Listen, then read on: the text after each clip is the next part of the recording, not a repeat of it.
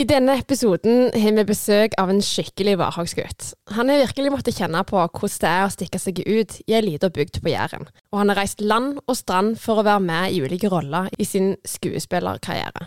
Han deler ærlig om hvordan janteloven har måttet prelle av i det å velge annerledes, og i tillegg er vi innom både vinterdepresjon og hvordan bevegelse og trening fungerer som medisin. Mannen vi har besøk av i denne episoden, er nemlig Brikt Skrettingland.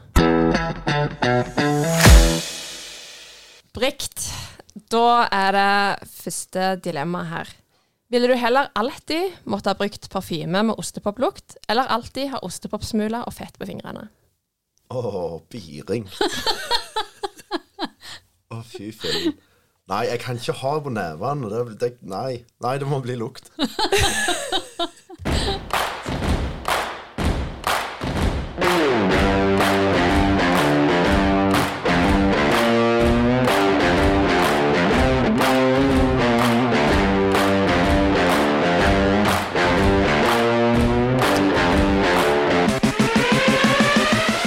Vi går rett på. Hvem er Brikt? Sånne store eh, eksistensielle spørsmål. Ja, stemmer det. Vi åpner alltid sånn. Jeg skal begynne enkelt med den, tror jeg. Jeg er en bondesønn fra Varhaug, som bor på Bryne. Som litt tilfeldig havna på en scene, og så nekter jeg å gå ned igjen. Herlig. Hvilken scene var det? Er Rogaland Teater. Oi, det var første scenen. Ja, først, aller første. Hvor, 11. hvor gammel var du da? 27, var ikke det? Ja, jeg så spør du meg, spør jeg deg. Jeg tror det var 27. Det var i 2011. Da må jeg jo ha vært 27, Ja. tror jeg. Nei, ikke spør oss. Jeg er ikke så god i matte, så det Nei, det er noe med det. Men, hva, men veien fram mot det, da? Hva, liksom, en uh, Varhagsgutt som ender opp på en scene, det er jo litt kontroversielt. Det er jo superkontroversielt, egentlig. Jeg, jeg føler det er en sånn historie jeg har fortalt så mange ganger at folk er lei den. Men eh, det var en kompis av meg som på kødd meldte meg på en audition. Fordi de skulle sette opp et stykke som var basert på Keisers Orkester sine sanger. Og så er jeg relativt fan. OK, jeg er kjempefan. Jeg er det. Og så sa han bare på jobb at eh, jeg meldte på en audition, og det var sånn Ja, sikkert det. Men så ringte de en sånn lørdagsmorgen, sånn superhyggelige teaterdame, og så sa du skal du være på audition nå? Og så da, var jeg, da bodde jeg bare Varhaug. Måtte bare komme meg inn og tenkte at da, nå får jeg historien om den gangen jeg var på audition på Rogaland Teater. Og så fikk jeg være med. Å, halve min. Og det var jo bare en statistrolle. Men jeg fikk en replikk og to. Jeg fikk være med å synge opp sangene som jeg elsket så vilt fra før av. Trengte jo ikke øve noen ting. Og så etter det så var det bare dette må jeg gjøre mer. Dette bare må jeg gjøre mer. Eh, da hadde de en sånn en julekonsert i inntekt for Kirkens Bymisjon. Der sang jeg alene for første gang. Det var superstressende. Og da var Sally så fin. Hun så på sida av meg, hun bare merket at jeg så at hun skalv. Hun, hun, og så hører jeg bare fra sida den fine stemmen til Sally som sier 'Hva med hånda di?' og så tar jeg liksom hånda, og så sitter hun og kauser, og så sier 'Det går så fint, så'. Det går så fint. Åh. Og så gikk jeg opp og sang den sangen, jeg gikk inn og sette meg inn, da var jeg helt ute. Sånn, så jeg gjemte meg i stolen bare sånn 'Å nei, dette, jeg gjorde ikke dette'. Og da hørte jeg igjen 'Hva med hånda di?' Du kan godt gjøre det igjen. Åh. det var veldig fint. Og så har det bare balt på seg. Ja. Eh, da begynte du med femtefølge på Bryne, som tok meg med på masse forestillinger der. Og så havnet jeg plutselig foran et kamera, og så videre og så videre. Men du, du har ikke tatt noen skuespillerskole. på ingen måte. Hva er det du har gjort før? Eh, eh, Av papir så har jeg vel avløserbevis fra. Avløserlag. og så har jeg gått et år på elektro, der jeg hadde 1,8 i karaktersnitt. Og da sa han kontaktlæreren min til meg, for jeg hadde jo søkt meg videre. Så han ikke sikker jeg trengte å gå videre på dette. så jeg gikk salg og service to år, og så gikk jeg påbygg, og så begynte jeg å arbeide. Ja, ja, men du, hvis du var avløser, så vet du jo hvordan det er å slite for på jobben. Ja. Men du er jo fortsatt eh, foran kamera. ja, det er Ja. sant. Jeg så på, så på en dagjobb, holdt jeg på å si, Ja. i TV Vest. Yes. Hva er- er rollen din der? Programleder. Ja. Ehm, så jeg både lager serier og har den daglige sendinga. Ja. Så det er litt av hvert, egentlig. ok, inn i skuespillerbransjen, stå på scene, du kommer fra litt av hverdag, som vi sa. Kjenner du litt på janteloven? Jeg har kjempa hardt med gamle onkel Jante. Men nå bryr jeg meg ikke lenger. Men det tok tid, da. Hva er det som er utfordringene med det? Altså, Komme fra bygd og så gjøre noe som er ganske annerledes? Altså, janteloven er jo skreven i Danmark, men den er jo perfeksjonert på Jæren. Det er flatt. Det, ja, det er det. um, så du har, du har jo alltid hatt den der, du skal ikke skille deg ut på noe som helst slags måte. sant? Iallfall når vi, jeg vokste opp, skal ikke si vi, skal ikke generalisere. Så var det jo veldig uniformert, da. Ja. Altså, Vi hadde jo den blå varmedressen. De hadde vel den grønne, og de hadde den røde, var det ikke Ja, sånn? Det var rødt og, grø og blått. Jeg hadde rød sjøl, men ja, ja. Å gud, så stas når jeg endelig fikk det der varmedressen. Ja. Jeg husker mor hadde kjøpt feil. Hun hadde ikke vært hos Rassingen. Å nei, hadde du ikke Venås? Jeg hadde ikke venner. Jeg tror jeg sendte henne for å bytte den. ja, nei, det går ikke. Du må ha, må ha Du kan ikke skille deg ut. Nei, du kan jo ikke det. Um, og da jeg, husker en gang nede på handelslaget der jeg Da hadde jeg ikke gjort så mye heller. Så bare kom jeg inn døra, og så ser jeg liksom noen på, på helt andre enden av, av hele handelslaget. Så så jeg at jeg kom inn, og så hører jeg bare han skrike sånn å, er det skuespilleren som kommer? Jeg tenkte bare så Herlighet, hva er dette? Jeg vet jo ikke hvem du er engang. Sånne tilbakemeldinger er gjerne ikke veldig bra når du er litt usikker på om du har lov til å gjøre dette. Men kan det være for at de var stolte av deg, da? Nei, for det er på sånn ty tynende måte. Ja. Eh, og jeg merka den store endringa der det før var liksom det som var tilbakemeldingene. var liksom, Å, hva du tror du er til nå, da det er sånn Ja, men følg med. Følg Ja. med. Og det er klart, jeg hadde nok trengt det mye mer da enn jeg gjør nå. Så det har vært litt kamp. Ta alle hjemme. Ta så hei på de som prøver på noe. Det, det er fint. Det er veldig fint, og det er jo fint å ha en stemme for det òg. At det, det er, i, i bygd så, så lever nok det i stor grad ennå. At med en gang du gjør noe annerledes, så skal liksom det være tynbart. da. Ja, det er kanskje det. Nå, vet, nå kan jo ikke jeg uttale meg om hvordan bygda er lenger. Nå har jeg jo bodd på Bryne i elleve år, så jeg føler ikke helt jeg har den samme kunnskapen om bygda lenger. Nei. Men hvis du og du sier at nå, nå går det greit, liksom, hva, hva har du gjort for at det ikke skal at det ikke skal være liksom, koste så mye, eller skal være null stress å stikke seg fram nå, da? Jeg tror det er eksponering. Ja. At jeg har gjort det så mye at jeg bryr meg ikke lenger. Og det er det jo egentlig med kamera generelt. At når noen kommer og skal filme deg, så føler du litt sånn Oi, dette er jeg ikke komfortabel med. Men det er jo bare fordi du ikke har gjort det. Det er jo jobben min hver dag, så har jeg det kameraet i trynet, så til slutt så enser du det ikke lenger. Men det hjelper med litt alder òg, gjør det ikke det? Ja, det tror jeg. Du Ja. blir jo tryggere i deg sjøl jo eldre du blir. Det er klart, det. Ja. Men eh, hvordan eh, er du det om dagen da, Brekt? Ja, om, om dagen eh, Sånn generelt, eller, eller eh, i dag. Det kan du velge. Jeg kan velge. Eh, I det store bildet så har 2022 vært et helt enormt bra år. Endelig. Åh, digg. Endelig.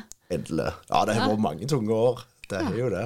Eh, jeg begynte jo å skulle fylle denne skuespillerdrømmen for åtte år siden, så du slutter i vanlig arbeid, og så skal du tjene penger, og du har jo vært borti det sjøl med å drive for deg sjøl og sånne ting, så kan jo det være veldig hardt. Eh, men i år har det bare vært good. Det blir, betyr at det liksom er godt å drive i drømmen nå? eller? Ja, rett og slett. Um, jeg har jo hatt lønn en gang i måneden for første gang på åtte år. Tenk det. Nå er det stabilt. Nå er det stabilt. Liksom. Jeg pleier jo å kødde med det at Lindorf ringer jo og spør hvor jeg blir av, for de har jo ikke hatt en inkassovarsel på meg i hele 2022, liksom. Så.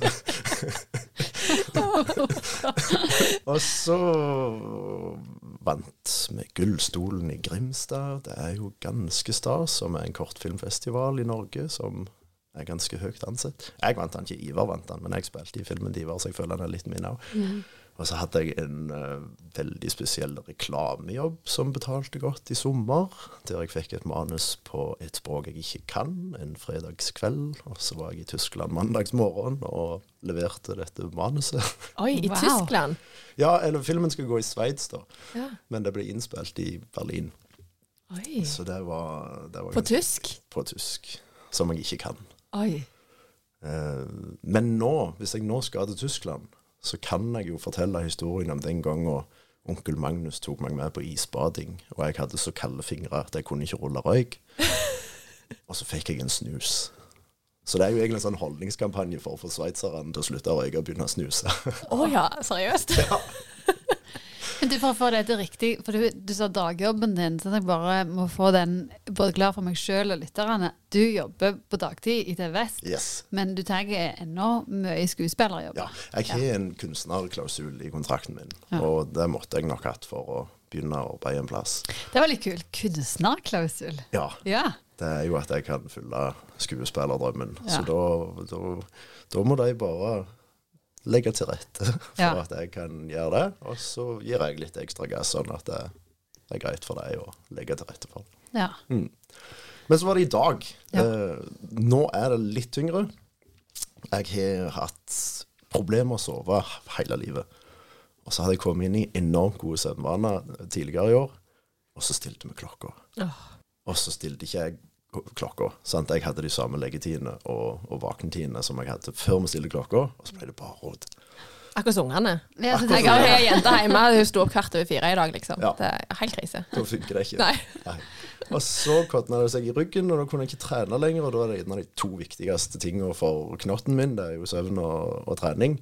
Og så bare forsvant det. Så da er det akkurat nå litt tungt, men generelt ganske bra.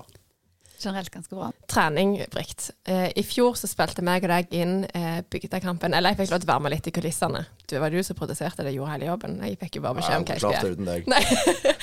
Men eh, da skulle meg og deg teste ei sånn løype. og Da mener jeg å huske at du fikk astmaanfall Ja. eh, fordi du var så græla dårlig trent. Jeg fikk eh, et eget astmaanfall fordi jeg har anstrengelse ja. men, men du sa at du var i ganske dårlig form, da. Ja.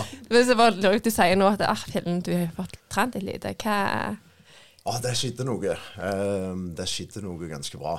Ja. Ehm, som begynte ganske drit. I fjor, i desember i fjor, så var det veldig mørkt. Jeg har en del sånne mørke rom som jeg besøker av og til i, i følelseslivet og i tankene. Ja. Og så gikk jeg til fastlegen min, litt sånn i håp om at jeg, jeg har lyst til å snakke med noen. Og da får du jo bare spørsmål ja, har du lyst til å ta livet av deg. Så svarte jeg nei. Nei, men da er det ikke noe problem. Så da eh, måtte jeg jo ordne det sjøl. Og måten jeg ordna det på, var at jeg begynte å lese om, om syke, hva du må gjøre, hvordan skal du liksom være god med deg sjøl, og gjerne mye òg om søvn. Um, der jeg kom over noe magisk som heter søvnrestriksjon. Jeg kan komme tilbake til det hvis jeg skal fortsette. Hva vei skal jeg gå nå? Bare fortsett, og så tar jeg med søvnrestriksjon okay, etterpå. ja. Ja. Mm. Eh, Men jeg fant ut at jeg, jeg har ikke lyst til å si nyttårsforsett, for jeg liker ikke det ordet. Men det ble jo egentlig et slags nyttårsforsett der jeg bare bestemte meg sjøl for at da, i år så skal jeg være litt bedre enn jeg var i fjor. Og jeg la lista så enormt lågt at da når jeg skulle begynne med dette, så gikk jeg en bitte liten tur. Hva er en liten? Eh, Jeg gikk Jeg bor i, i Varhei, og jeg gikk ned Varheiveien og opp igjen, liksom. Så jeg tipper vi snakker fem minutter. Ja. Jeg er der, så jeg vet at det er ca. fem minutter. Ja, er det det? Ja.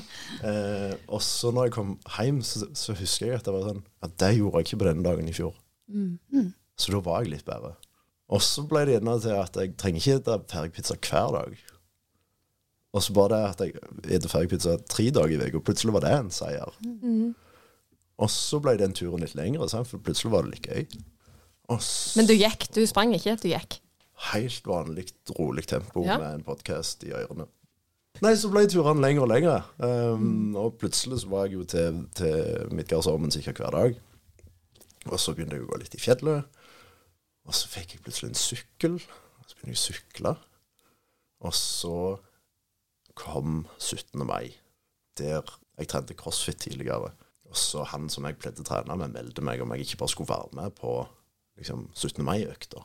Og da kjente jeg at jeg, det hadde faktisk vært gildt å trene. Og så var det grevegildt å trene igjen. Og så begynte jeg å gå på crossfit igjen. Og så begynte jeg å sykle til senteret, bare at jeg tok om Kverneland først før treninga, og så trener jeg, og så kjenner du bare den der den der treningsgleden som du ikke klarer å framprovosere, den som bare dukker opp av seg sjøl, og så bare varte og varte og varte den.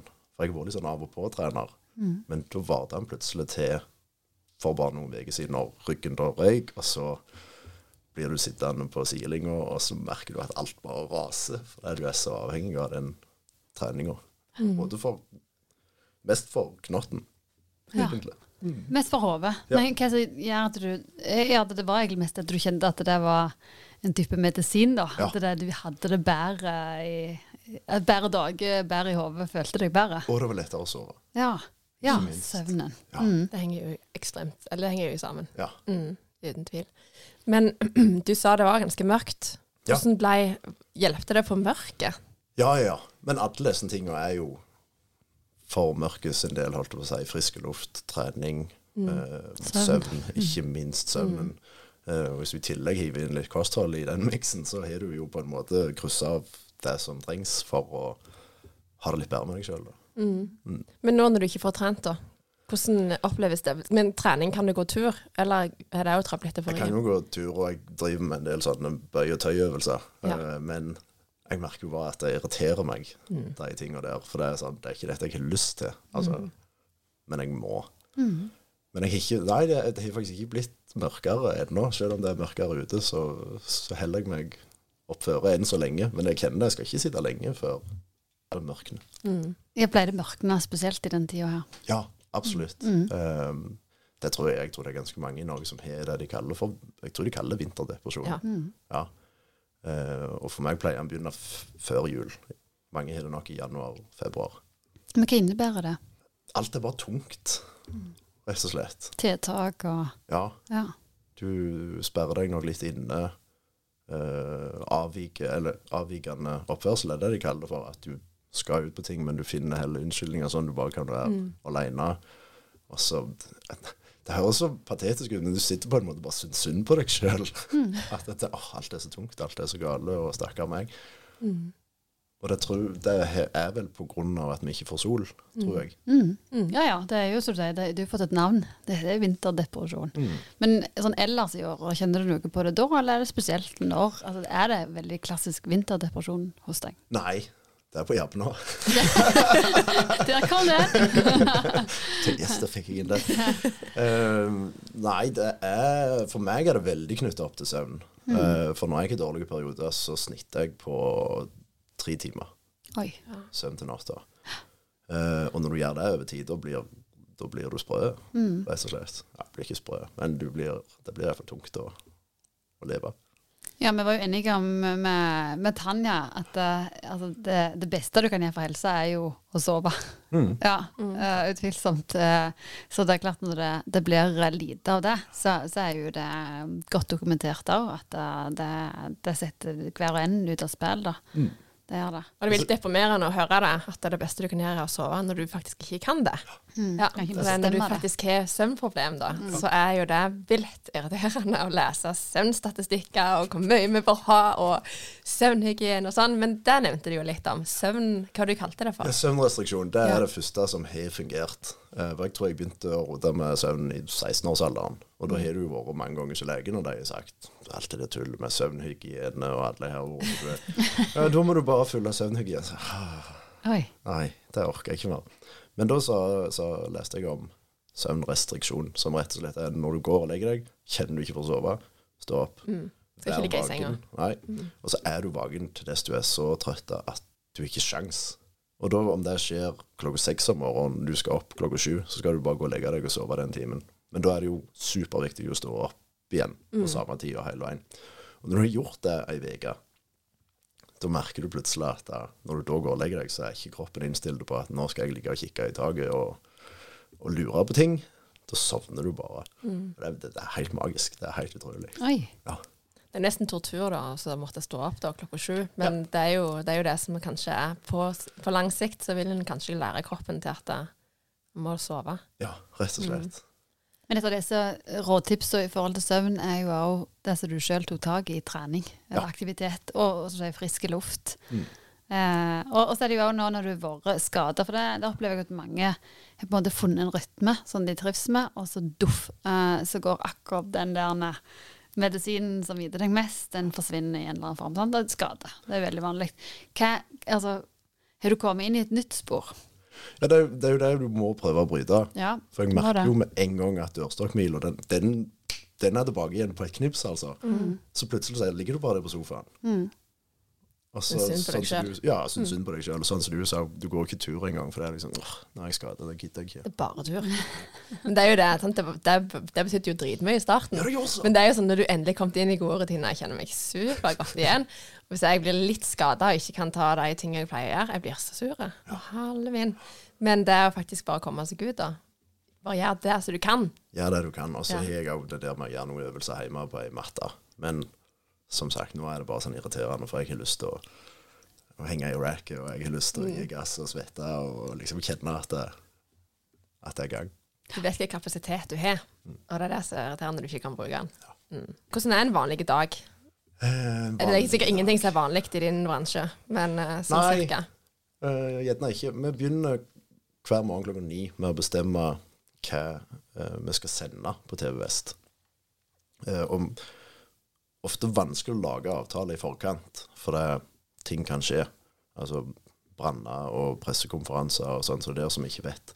Så vi setter hele sendingen klokka ni, og så er det ut og gjør disse intervjuene, tilbake redigere det og levere det eh, egentlig innen tre. Eh, så det er ganske travelt. Og så er det da resten av dagen Så har jeg jo hatt en rutine da på at jeg kommer hjem, og så har jeg trent før jeg spiser. Og så er det ofte et eller annet annet. Konferansierjobber, eller nå skal jeg ha en hel haug med quizer på diverse julebord. Eh, ja, det er alltid noe til, da. Så jeg føler liksom eh, gjerne ikke helt at jeg er så mye hjemme noen gang. Jeg forbinder deg liksom litt med det at du alltid har mange baller i lufta og mye på gang. Ja, det eh, var en som sa en gang at eh, jeg er overalt samtidig. Jeg er bare ikke der jeg skal være når jeg skal være der. Stemmer det. Det høres veldig, det høres veldig kjent ut. Men du er jo, altså En ting er jo oppdrag, men du, du er jo med på mange ting utenom òg. Jeg ser eh, på Instagram så du la ut, legger jo jevnt og trutt ut at du er med på et quiz sjøl. Ja, det stemmer. Og et greit kult navn. Hva er navnet? Burde langskjems. Ja, Burde Langskjenk. Helt konge. Det er jo så rett, for når vi taper, så burde vi langskjems. Men hvis vi vinner, da bør jo alle andre langskjems. Så det er et perfekt quiznavn. Men uh, du har jo vært- ja, fram til for noen uker siden eh, trent, og så har du òg eh, jobbet veldig mye. Hvordan får du det til å gå opp? For det er jo det mange snakker om, at de har ikke tid. Altså, hvordan, hvordan lager du tid? Nei, jeg er jo singel og barnløs. Det åpner jo mye tid. Ja. Eh, Men jeg har jo ridd to hester ganske lenge. eh, For jeg har ikke Veldig mange av de som jobber med skuespill, de går, tar òg dagpenger. Altså når de ikke har skuespilleroppdrag, så bare melder de seg som arbeidssøkende. Okay. Men jeg har alltid hatt lyst til å ha en jobb i tillegg, da. Og også fordi at nålauget for å kunne leve av skuespill i Norge er så bitte lite at du bør òg satse på en annen karriere i tillegg. Så da har det blitt til at jeg har måttet jobbe med to samtidig. Og hvordan jeg finner tid til det, jeg har ikke peiling. Nei. Det har bare blitt sånn. Men det har vært veldig sterke drivkraft i deg, sånn som du sa òg, at det har vært eh, medisinen. Ja. Og kan vi bare gå litt inn på, på crossfit, for det, det er jo på en måte så mye som blir sagt om crossfit og hva det er. Og nå er du skada, og vi må jo være så ærlige og si at det er jo ofte at det blir forbundet med skade, fordi at det er høy intensitet og eh, kan være tunge løft. Hva er din erfaring med det? Nei, eh, når jeg begynte med det, jeg tar ikke igjen hvilken tid det var. Da var jo det det CrossFit hadde på seg. Ja. At det, det er noe som skader deg, rett og slett. Og jeg tror de har hatt enormt fokus på det de siste åra. Nå merker jeg når vi har sånn nybegynnerkurs nå, så får de jo nesten ikke lov å ha vekter på i det hele når de holder på. De skal lære teknikker før de begynner å lufte tungt. Veldig fokus på eh, bøy og tøy og, og mobilitet, som det heter. Eh, med dryge oppvarminger før vi setter i gang, og utstrekking etterpå osv. Så, videre. så de har fokus på det, men ja, når når den der ti sekunds nedtellinga er ferdig, og du skal begynne med en AMRAP på 14 minutter, så gir du jo gass. Og hvis du da ikke passer på, så ryker det ting. Og gjerne, i hvert fall for meg, som begynner å komme litt opp i år, og så må du iallfall passe på. Ja, jeg kjenner meg veldig igjen i det. Jeg er faktisk crossfit-instruktør i, i bånn. Jeg ja, eh, og syns jo det er en fantastisk treningsform, men det er jo det der å, å tøyle konkurranseinstinktet ditt, det, det er jo kjent på veldig sjøl. Jeg titter ofte skader meg der. Det, jeg tror det er der, der skadene kommer. For det at de aller fleste er jo, har jo tatt sertifiseringer, coachutdannelse. Eh, Jeg òg tok functional fitness-kurset i f- 2020, og det er liksom ekstremt fokus når du tar de sertifiseringene. CrossFit for helse. Det skal være helseperspektiv og liksom veldig sånn. Og jeg syns jo det er dritbra. Men jeg tror jo, det merker jeg jo sjøl, eh, at det kanskje trekker veldig mange folk som mye konkurranseinstinkt. Og så selv om coachene sier 'ikke ta på mer', så ser du man 'har på mer', og da har du lyst til å ha på mer, og så ser du at de gjør det græla fort, og så må du henge med, og så er det liksom Så det er jo egentlig enkeltindividene sine feil at det skjer, for det jeg tror rammene rundt er veldig trygge, men så blir vi litt sånn blod på tann, og så Kjenner meg veldig igjen. Enormt. Altså, men jeg syns jo det som var veldig fint med, med å trene crossfit, det er jo kanskje treningsformen er jo en del, og du blir god form og dette, men det er jo ikke som å være på en gymtime. Altså det er den sosiale delen. Og det syns jeg er veldig fint å skape på både treningssenter og Men crossfit-miljøet er spesielt flinke på det.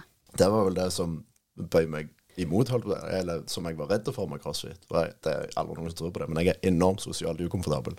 Ja. Super sosialt ukomfortabel. Og det å gå inn på et sånt senter for meg var skremmende, rett og slett. Og kommer inn der, og folk hilser på deg, og da er det sånn Da blir jeg enda mer sånn Hvorfor kjenner jeg deg? Hvem du er nå igjen? Hvor er jeg deg fra Sørlandet? Nå burde jeg ha snakket med deg, og så videre. Så det var kjempeukomfortabel. Men de er veldig flinke på det. Eh, spesielt han som meldte på 17. mai. Eh, Shout-out til Jompe. Eh, som, som bare sikkert så det med en gang. At eh, OK, han er litt ukomfortabel her, så han bare Du er med meg. Kom an, dette fikser vi. Du er på lag med meg i dag. Eh, og bare være med og lufte fram til at det ble en, en, en trygg arena, da. Det er litt sånn fascinerende at du sier, for du er jo en person som står foran kamera hele tida, og er med på vilt mye. Og så er du på en måte litt sånn ukomfortabel i de settingene. Og eh, er, det, er du liksom bevisst på Er du litt introvert? Ekstrovert? Liksom Jeg er tingene. 100% introvert. Ja. Ja, ja. Det finnes ikke noe som helst ekstrovert i meg. Men jeg er jo utadvendt introvert. Ja. Så, Mm, det kan jo være. så jeg får det jo til. Men, men det tapper meg så enormt. ja. Jeg går litt Hver eneste gang jeg går inn i et rom, så er det sånn panisk. Sånn, kjenner jeg noen her? Er det noen trygge havner her så jeg bare kan gå bort og snakke med for å liksom få ned pulsen? Eh, men som du sier, jeg får jo som regel den reaksjonen som du sier nå, sånn Hæ? Du er jo superekstroverte tenkefolk. Så er jeg langt ifra det. Ja, men det, det, det er jo det der at du blander Vi har jo vært innom det litt her. Det er jo noe vi har lyst til å ta med deg òg. Altså hva som tapper deg, og hva forhold du har til det. Eh, Og det er jo det som du sier nå. At du vet at det er, det er ikke i lag med folk du får energi. Og det er det dette handler om. At du kan jo være glad i folk og være omgjengelig, eh, men du kan likevel hente energien din alene. Sant? Så, men hvordan, altså du, Nå er det liksom bongas på eh, TV, og så er det quizmaster og sånt. Hvordan kjenner du deg med energien din, og ikke minst også bevisst eh, med psyken din, da? Jeg har nok alltid hatt et forhold til jobb. At det gir meg energi. Eh, og jeg er liksom Jeg er veldig skylappa når jeg er på jobb. Eh, og, og gjerne det er noe i det der med, med bonden fra Varhaug. Du er jo opplært til at arbeid er jo livets verdi. uh, så det har aldri tatt meg, uh, så lenge jeg kan bare produsere. Men eh, spesielt sånn minglegreier. Det er det verste. Da, det begynner ikke å tappe. Da begynner jeg på null, tror jeg. Altså, da forsvinner hele batteriet på fem minutter. Egentlig når du gjør ting uten manus, da.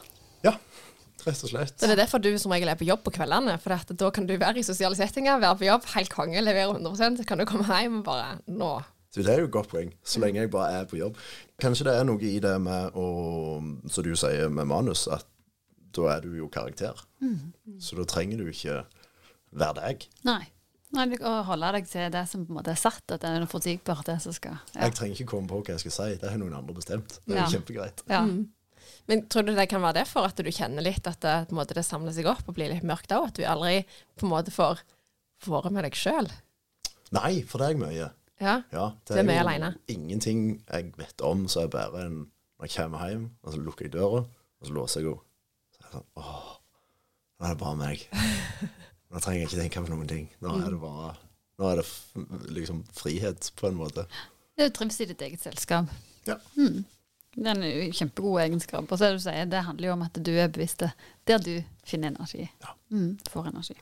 Setter du deg mål i livet, og i tilfelle hvilke mål har du hatt, og har du oppnådd de? Oh, jeg er livredd mål. Er du? Ja. Hvorfor det? Um, jeg har hatt ett mål som jeg husker. Og det var at jeg skulle være gift innen jeg var 25. Oi. Så det bomma jeg jo ganske kraftig, kan du si.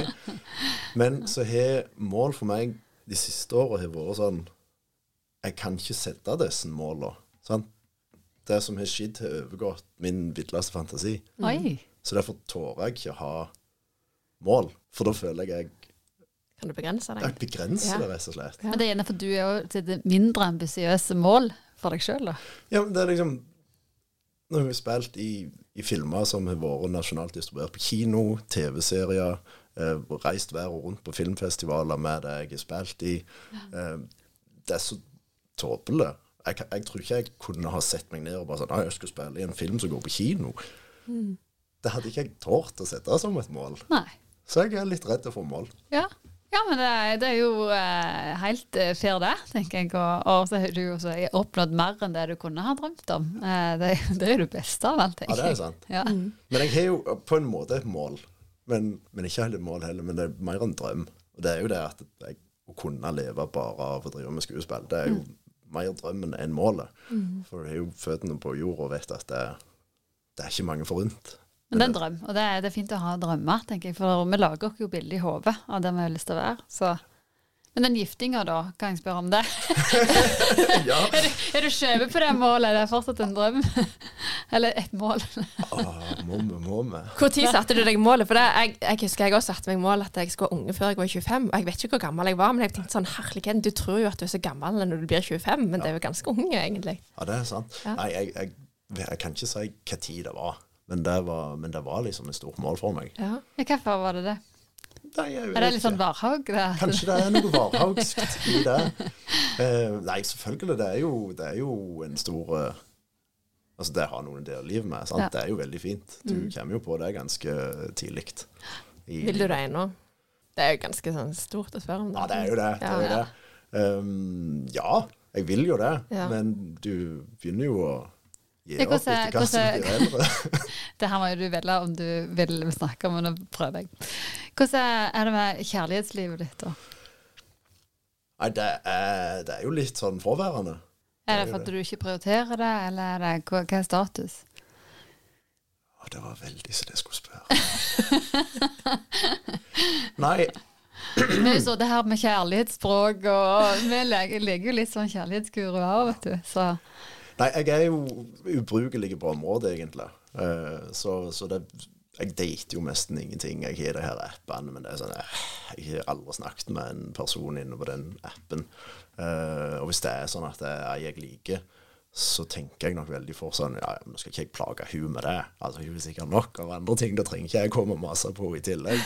Uh, så det blir bare lite ut av det, da. ja. Hvordan er det egentlig å være singel i 2022?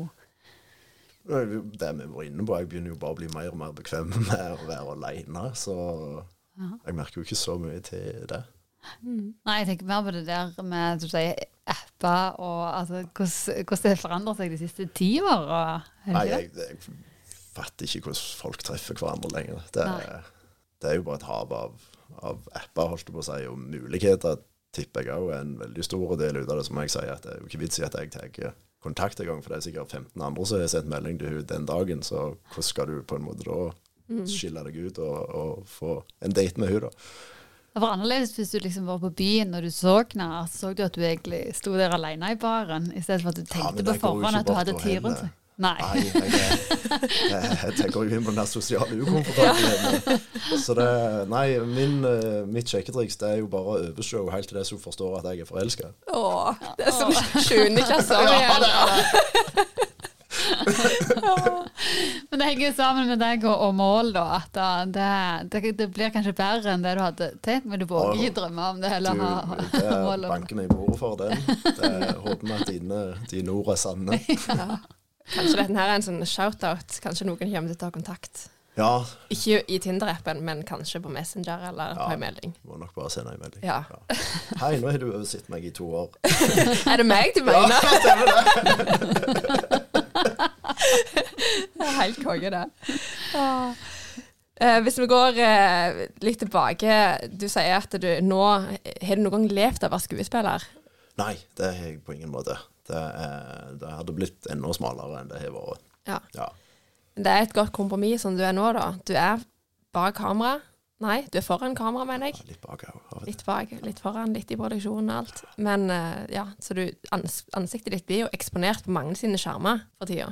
Det gjør det. Um, så det er jo det, det ingen ser om å være en skuespiller, er jo at 95 av det du faktisk gjør av jobb, det er jo auditioner. Og sånn det er nå, så gjør du det bare hjemme med kamera, og så sender du det. Så jeg trenger liksom ikke reise til Oslo og London og sånn for å gjøre auditionene. Det kan jeg bare gjøre hjemme. Er det covid-inspirert, skulle jeg si? Eller? Jeg tror det ble mye mer av det. Ja. De, de hadde begynt litt før, men under covid da ble det mer standarden. Um, så har jeg en agent i London som hele veien hver eneste dag jobber med å selge meg. Og så får jeg bare Her har du et manus, spill inn den audition, og så sender du det inn igjen. Ja. Så jeg føler litt det er der at jeg må på en måte bare få en av de Så setter jeg veldig på kartet, da. Eh, og der har jeg hatt de type auditionene da, til serier som, som det vet hva er. Eh, og vært veldig nimme på noen av de. Så jeg føler liksom det er bare Jeg må bare ha den. Den der ene.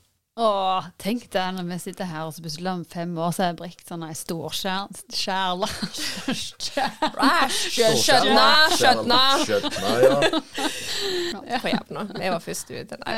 Nei, men jeg, det var en dag jeg satt Jeg elsker jo eh, Tommy Fredvang, er det han heter, Ja. sin Stå i ro-sang. Altså Den sånn, gikk på repeat. Og plutselig så dukker en musikkfilm opp på Facebook-feeden. Det bare Der er Brikt! ja, det var en veldig fin musikkvideo. Ja, altså Ja, jeg grein jo. Det var jo en helt annen vinkling enn sånn de bildene jeg hadde spilt i hodet mitt før jeg hadde sett filmen.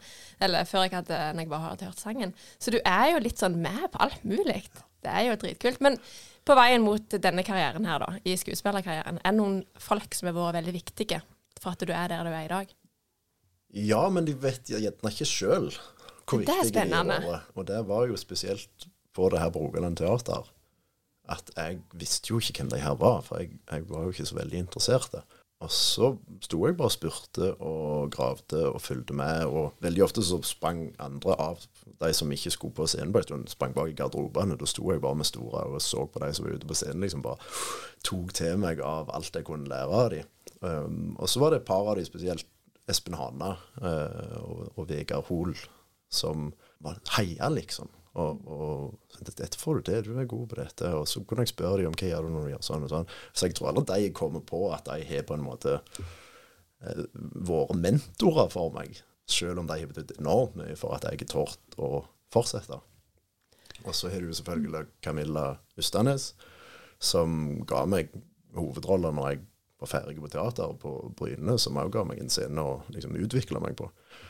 Og spesielt Thomas, som, som tok meg med på den 'Vampyrbiter', som var den første spillefilmen jeg spilte i.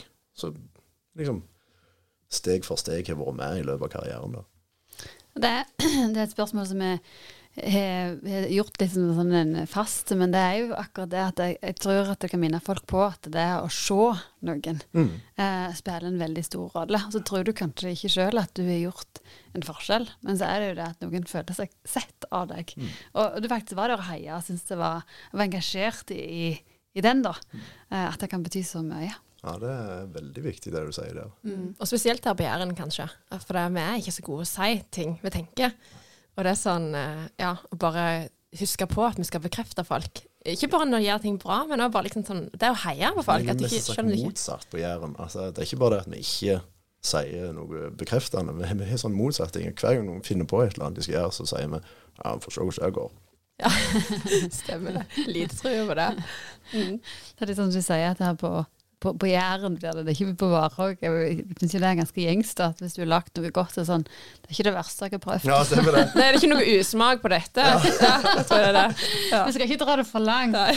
Men jeg tenker jo, eh, bare for å ta den, eh, at det, det er ikke nødvendigvis det å si heller. Men eh, jeg tenker bare at noen kan gi et nikk og klappe skulderen. Og liksom. Sånn, egentlig sånn som du sier, Sally. Jeg syns den var nydelig. Det er ikke så mye som blir sagt der. Nei. Men det ble gjort en veldig viktig Men, men det speaks volumes, som de sier i England. At det, det betydde mye for meg. Da sitter jeg eh, elleve år etterpå og, og snakker om akkurat den episoden der. Ja. Så går vi over til de faste spørsmåla. Okay. Eh, har du noen faste vaner som du gjennomfører hver morgen? uh, Ja, altså vaner trenger jo ikke være gode vaner. Nei, nei. det? nei. Jeg har en veldig sånn fast eh, morgenrutine. Som er Jeg har på sikkert ti alarmer. Slumrekonge. Og så de fire første hører jeg ikke engang. Og så hopper jeg over en hel haug, helt til det jeg egentlig er litt for sein til det toget som jeg har lyst til å ta. For jeg har enormt lyst til å ta regionstoget, for det er så mye mer fred å få der. Men i plassen for å gi gass, så leser jeg litt nyheter før jeg går ut av senga. Og så kommer jeg ut på badet, og så hører jeg alltid eh, Hotel Walls, den akustiske versjonen til Smith Tell. Eh, Hver morgen? For, Hver eneste morgen. Det er fordi at den, jeg hadde en sånn morgenkaffeliste på Spotify. Det er ikke jeg som lagde henne. Det- Den lå øverst. Og da ble det til det at jeg skrudde på den liksom, hver morgen når jeg kom inn på badet. Og så når den ikke lå øverst lenger, så begynte jeg å finne den igjen, for det er liksom blitt en del av, av rutinen. Og så bruker jeg alltid litt for lang tid, eh, for jeg tenker at det er jo bare to minutter til å gå fra meg til toget. Så da fikser jeg litt mer på skjegget, og så plutselig er det bare ett minutt til det toget går. Og så når jeg det ikke. Så må jeg ta det der teite lokaltoget i plassen. Og så går jeg jo eh, et kvarter for å komme til jobb. Så får jeg meg en kopp med kaffe, og da begynner, da begynner dagen. Eh, hvis du bor på en øde øy i et halvt år, hva eiendel ville du tatt med deg? Er det ingenting på den øya? Nei. Eller jo, det er sånn palme og sjø og Sånn som du ser for deg. Kanskje noen ville dyr. Da tar jeg med en båt. Så du kan padle vekk? Ja. Ja. Har du noen guilty pleasures? Eh, Ja Jeg ser veldig ofte bare om igjen ting jeg vet jeg liker på TV, i plassen for å bruke tida mi på å se noe jeg kanskje ikke liker. Så det finnes ganske mange sånne TV-serier som jeg vil si er guilty pleasures. Eh, eksempel Kardashian, eller? Ja, mye Kardashian. jeg, ser, jeg ser ofte noe som heter Community. Den har jeg sikkert sett ni ganger. Oi. Uh, Trailer Park Boys har jeg sett mange ganger. Nei, Det er bare masse sånne serier som er guilty pleasures. Nå har vi jo vært innom eh, Jeg syns det har vært veldig bra at vi har fått eh, grave litt i både eh, psykisk og fysisk helse. For Ja. det henger jo i sammen. Eh, så hva er ditt beste helseråd? Det, det må være å bare gjøre noe. Ja. Altså gjøre litt. Drit i uh, Begynn en plass. Få gang på systemet, og så ta det derifra. Her har du en enormt kul historie sjøl, så det er, det er litt sånn eh, PTs drøm. Ja. Begynner i det små, og så bygger det opp. aller til sist. Aller, Aller til aller sist. sist! aller, aller til slutt, skal jeg si. Aller Og til slutt. Hva vil du bli huska for? Altså, når jeg en dag leverer inn pennalet, tenker du på, Ja. så vil jeg at folk skal si at jeg var en god mann. Ja. Det er alt jeg trenger. Du, Brikt, dritgilt å ha deg med. Tusen takk for at du kom, og at du har bjuda på. Også. Ja, jeg ble ærligere enn jeg hadde tenkt, men uh, det får gå. Det er sånn vi liker det. Yes. Men takk for besøket, og lykke til videre. Tusen takk, og takk for at jeg fikk komme.